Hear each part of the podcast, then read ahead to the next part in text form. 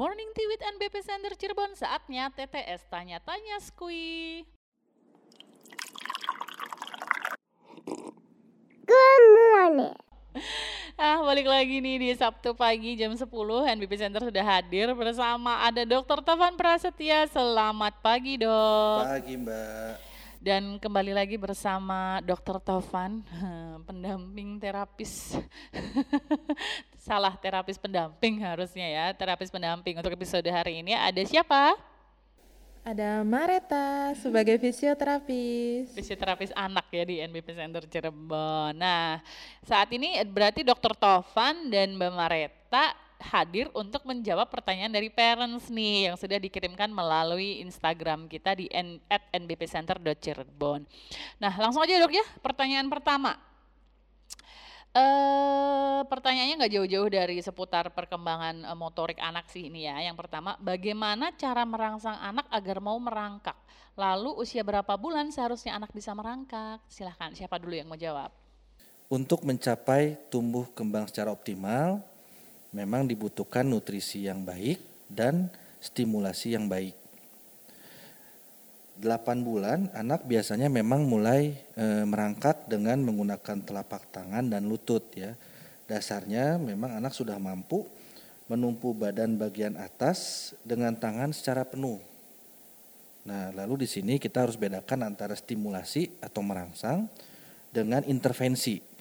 Kalau stimulasi biasanya kita lakukan e, apa untuk mencapai tahapan perkembangan e, berikutnya Contoh misalnya anak usia 6 bulan eh, kita mau anak tersebut eh, kita stimulasi untuk dia merangkak eh, sekiranya nanti di usia 8 bulan. Nah, dari 6 bulan kita sudah mulai dia untuk merangkak bisa kita stimulasi dengan tahapan-tahapannya dan berbeda dengan intervensi. Intervensi itu adalah untuk mengejar keterlambatan atau keterbelakangan gitu ya. E, tujuannya untuk e, dia kembali e, normal gitu ya, terperbaiki atau mungkin meng, e, tidak apa mempersempit gapnya. Contohnya misalnya di 24 bulan belum bisa berjalan, anak tersebut harus kita intervensi agar dia mampu untuk berjalan gitu. Jadi bentuknya yang berbeda. Lalu untuk stimulasinya seperti apa mungkin Mareta bisa menjelaskan lebih lanjut. Lalu untuk cara merangsang anak merangkak, yang pertama tuh posisi membiarkan bayi tengkurap. Orang tua posisi bersimpuh dengan memposisikan kaki anak di antara kedua lututnya. Pegang pinggang bayi, kemudian tarik ke arah belakang sehingga posisi bayi seperti merangkak. Pertahankan beberapa saat posisi ini bertahap dari 5 menit sampai 15 menit. Contohnya semisal untuk pertama kali stimulasi itu kita di 5 menit terlebih dahulu bagaimana respon anaknya. Jadi nanti ke, beri, ke tahap berikutnya kita bisa naikkan intensitas waktunya. Lalu tips aman dan mudah stimulasi merangkak yaitu bila kesulitan memposisikan anak seperti merangkak, gunakan selimut yang digulung atau guling untuk menahan perut bayi sehingga bayi mengangkat dan menarik pinggulnya ke belakang kemudian menahannya. Jadi posisi quadriped seperti katak itu ya dengan bantuan gulungan handuk atau bantal tersebut. Setelah posisi merangkaknya tersebut kuat, berikan mainan warna-warni di depan anak sehingga anak akan tertarik untuk melangkahkan tangan dan kakinya dipancing untuk ke depan. gitu ya. Iya. Kayak dipancing. Kalau saya dipancingnya pakai makanan. Baru jalan. nah, jadi itu ya tadi jawaban dari Dr. Tovan dan Mbak Mareta. Nah selanjutnya pertanyaan kedua. Mbak Mareta spesifik nih buat Mbak Mareta. Jadi mungkin biar dijawab Mbak Mareta aja dok. Bisa Mbak Mareta sanggup? Sanggup. sanggup tapi pakai nyengir. Mbak Mareta kalau anak usia 19 bulan belum bisa jalan apa bisa disebut cerebral palsy? Tapi kalau berdiri bisa di meja atau pegangan? Belum tentu karena ada tanda-tanda cerebral palsy. Contohnya tuh mikrosefal apa sih yang disebut mikrosefal yaitu lingkar kepala lebih kecil dari ukuran normal anak-anak seusianya. Kemudian contoh selanjutnya yaitu refleks primitif menetap. Contohnya anak di usia satu tahun namun masih tangan pergelangan tangannya masih menggenggam, terus kakinya juga apa itu menekuk gitu ya dok atau mencengkram. Nah itu refleks-refleks yang seharusnya tuh sudah meng, menghilang di usia di satu tahun. Kemudian untuk selanjutnya bisa juga tanda-tandanya spastik, kaku atau lemas. Nah, harusnya anak usia 18 bulan nih sudah jago ya dalam berjalannya. Nah, untuk 19 bulan ini belum belum belum bisa jalan, alangkah lebih baiknya memang harus diobservasi oleh profesional medis karena memang harus dilihat secara langsung karena pemeriksaannya tuh detail dan memang harus ada di tempat begitu. juga ya, ya dilihat betul. dari berbagai aspeknya ya Mbak Mareta. Ya, karena kita menilainya bukan hanya dari motorik kasar tapi juga di semu, segala aspek perkembangan yaitu di motorik halusnya juga dicek bahasa sosial emosi dan kemandiriannya gitu. Jadi semoga bisa menjawab pertanyaan ya tadi dari parents nomor dua. Nah sekarang lanjut nih ke, ke pertanyaan ketiga. Saya sudah mulai belibet ini ya. E, pertanyaan ketiga, bentuk treatment apa ya yang bisa dan aman dilakukan oleh orang tua untuk menstimulasi motorik kasar anak? Ini kayaknya karena kalau fisioterapi itu kan banyak hands-on yang mijet-mijet gitu ya dok ya jadi hmm. mungkin orang tua ini kadang takut gitu takut takut apa namanya kalau bahasa Jawanya tuh keplinter gitu apa ya bahasa Indonesia kesleo ya? iya takut takut bikin kesleo gitu ya uh, anaknya gitu kan bayi kan uh, rapuh gitu ya kelihatannya yeah. gimana nih Mbak Mareta nih Eh, yang pertama tuh bentuk-bentuk stimulasi itu sesuai usia dapat kita baca dari berbagai referensi. Contohnya di awal-awal anak baru lahir, nah stimulasinya kita bisa stimulasi sentuh atau pijat. Nah yang patut diwaspadai pijatnya itu ini sendiri tuh tidak menggunakan tenaga namun dalam bentuk sentuhan. Contohnya lagi di usia tiga bulan, stimulasi apa sih yang harusnya kita kasih ke anak? Kita bisa stimulasi berguling. Nah, bagaimana caranya menstimulasi berguling itu sendiri? Pertama, anak harus mampu miring dulu. Nah, dicek dulu bagaimana kemampuan miringnya anak tuh seberapa sudah miring setengah kah atau sudah tiga per empat tinggal gulingnya. Nah, kita bisa memancing dengan mainan-mainan yang warna-warni ke anak karena kan anak tertarik dengan warna-warna yang kontras begitu. Dokter mau nambahin?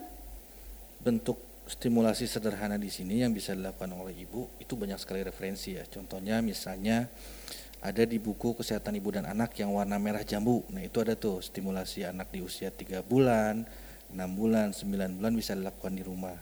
Atau misalnya bisa menggunakan aplikasi-aplikasi yang bisa di-download secara cuma-cuma di eh, apa namanya? baik itu di eh, Play Store ataupun mungkin App, App, App Store ya. Nah, Contohnya misalnya primaku, nah itu banyak sekali bisa orang tua baca. Nah namun pada intinya untuk aman seperti yang sudah dijelaskan oleh Mareta, pijat bayi itu adalah stimulasi sentuh gitu. Jadi yang melakukan siapa? Ya ibunya gitu ya, sekalian untuk bonding gitu ya, atau untuk merangsang perkembangan reseptif atau mungkin dia untuk sambil dipijat ibunya sambil ngajak bicara gitu ya, lihat anaknya tersenyum apa tidak gitu. Lalu tidak dipaksakan juga apabila anak tersebut sedang sakit ya kita lihat gitu sedang nyaman apa tidak anak tersebut. Kalau memang dia ternyata rewel nangis ada sesuatu yang sekiranya dirasa tidak nyaman ya sementara itu tidak dilakukan. Dan juga stimulasi-stimulasi di usia-usia selanjutnya baik yang di usia 3 bulan 6 bulan itu bentuknya aman. Contoh misalnya menggunakan matras jauh dari benda-benda yang bisa melukai gitu ya lalu dilakukan dengan eh, apa namanya dengan hati-hati. Apabila anak tersebut eh, tidak nyaman, rewel ya lebih baik hal tersebut dihindari gitu. Khawatirnya memang pada anak tersebut ada sesuatu hal yang memang harus eh, apa dicermati atau misalnya harus dibawa ke eh, profesional untuk dilihat ya. Jangan-jangan ada sesuatu yang harus diatasi. Nah, jadi bentuk stimulasi sederhana di sini bentuknya bermain, gembira gitu ya. Agar anak dapat mencapai eh, perkembangan eh, terutama di motorik kasarnya untuk tahapan perkembangan selanjutnya gitu. Jadi eh, itu mungkin tambahannya Mbak Devi. Nah, gitu ya. Jadi memang selain untuk eh, merangsang stimulasi ya, Dok ya, stimulasi. Itu juga ada eh, bonding ya antara Iya. antara ibu dan anak itu juga penting sekali. Lalu untuk di NBP sendiri kan ada ya Mbak Marete ya tadi kan untuk pertanyaan nomor tiga ini kayak takut gitu, takut salah mijet, takut terlalu keras, takut teknik-tekniknya salah gitu. Tapi di NBP sendiri aja kita ada ya kelas-kelas kelas motorik eh, kasar ya untuk untuk orang tua gitu. Bisa mungkin dibocorkan sedikit gitu gimana kelasnya?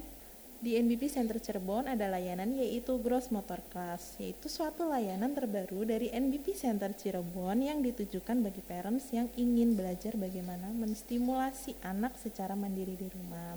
Yaitu ada private course class, full course class, partial course class. Nah, nanti kita- nanti kami akan mengajari bagaimana sih tips-tips untuk menstimulasi anak di rumah dan juga aman bagi parent juga posisinya bagaimana dan posisi anaknya bagaimana. Jadi antara parents dan anak tuh dalam kondisi yang aman begitu. Wih keren ya, emang terapisnya NBP Center Cirebon ini penuh inovasi dan kreasi gitu untuk em, mendeliver gitu, memberikan eh, transfer knowledge ya kepada parents ini untuk bisa, ini kelas cross motorik untuk bisa menstimulasi ya motorik kasarnya. Jadi tadi ada private course itu buat yang mau sendirian aja gitu. Terus ada yang full course itu misalnya punya grup ya, bener ya Mbak Mareta full course Iya. berapa orang Mbak Mareta? 2 sampai 5 orang. dua sampai lima orang nih. Jadi eh, yuk eh, misalnya ada eh, geng gitu ya geng ibu-ibu zaman sekarang gitu yang yuk kita kursus yuk eh, apa untuk gross motorik kasar ke NBP bisa nih ngambil yang full, co- full course. Atau mungkin cuma pengen ngambil mm, beberapa sesi gitu itu juga bisa ya Mama Reta Iya, ya bisa. bisa bisa disesuaikan. Dan ini bisa buat orang tua dengan anak ABK maupun yang tidak ya karena kan semua anak harus dirangsang ya dok ya pertumbuhan stimuli, stimulasi kasarnya agar nanti bisa sesuai dengan milestone. Nah terima kasih nih untuk Dr. Tovan Prastia spesialis anak dan Mbak Mareta fisioterapis anaknya NBP Center Cirebon untuk jawaban atas pertanyaan-pertanyaan hari ini dari parents ya gitu. Nah kalau parents juga masih eh, saya tadi itu pertanyaan saya tuh yang di yang dibilang sama Devi tuh gitu. Tapi kayaknya saya masih kurang puas gitu pengen ketemu langsung sama dokter Tovan. Bisa ya dok ya setiap hari apa dok? Senin sampai dengan Jumat mulai pukul 15 sampai selesai. Sampai selesai. nah kalau Mbak Mareta terapi kita di setiap hari apa Mbak adanya? Setiap hari Senin sampai Sabtu pukul 8 sampai 6 sore. Nah, boleh nih kalau mau ngobrol sama dokter Tovan, anaknya dibawa konsultasi sekalian gitu, mau ketemu Mbak Mareta, mau ngeliat sebenarnya Mbak Mareta nih kayak gimana sih orangnya gitu. bisa ya, bisa ketemu langsung main-main ke NBP Center Cirebon. Oke, kalau parents punya pertanyaan seputar tumbuh kembang anak ya, eh, bisa dilayangkan melalui DM Instagram kami di nbpcenter.cirebon atau email ke nbpcenter.cirebon@gmail.com. Terima kasih atas atensinya hari ini. Saya Devi. Saya Tovan. Saya Mareta. Sampai jumpa minggu depan. Bye. Bye. Goodbye.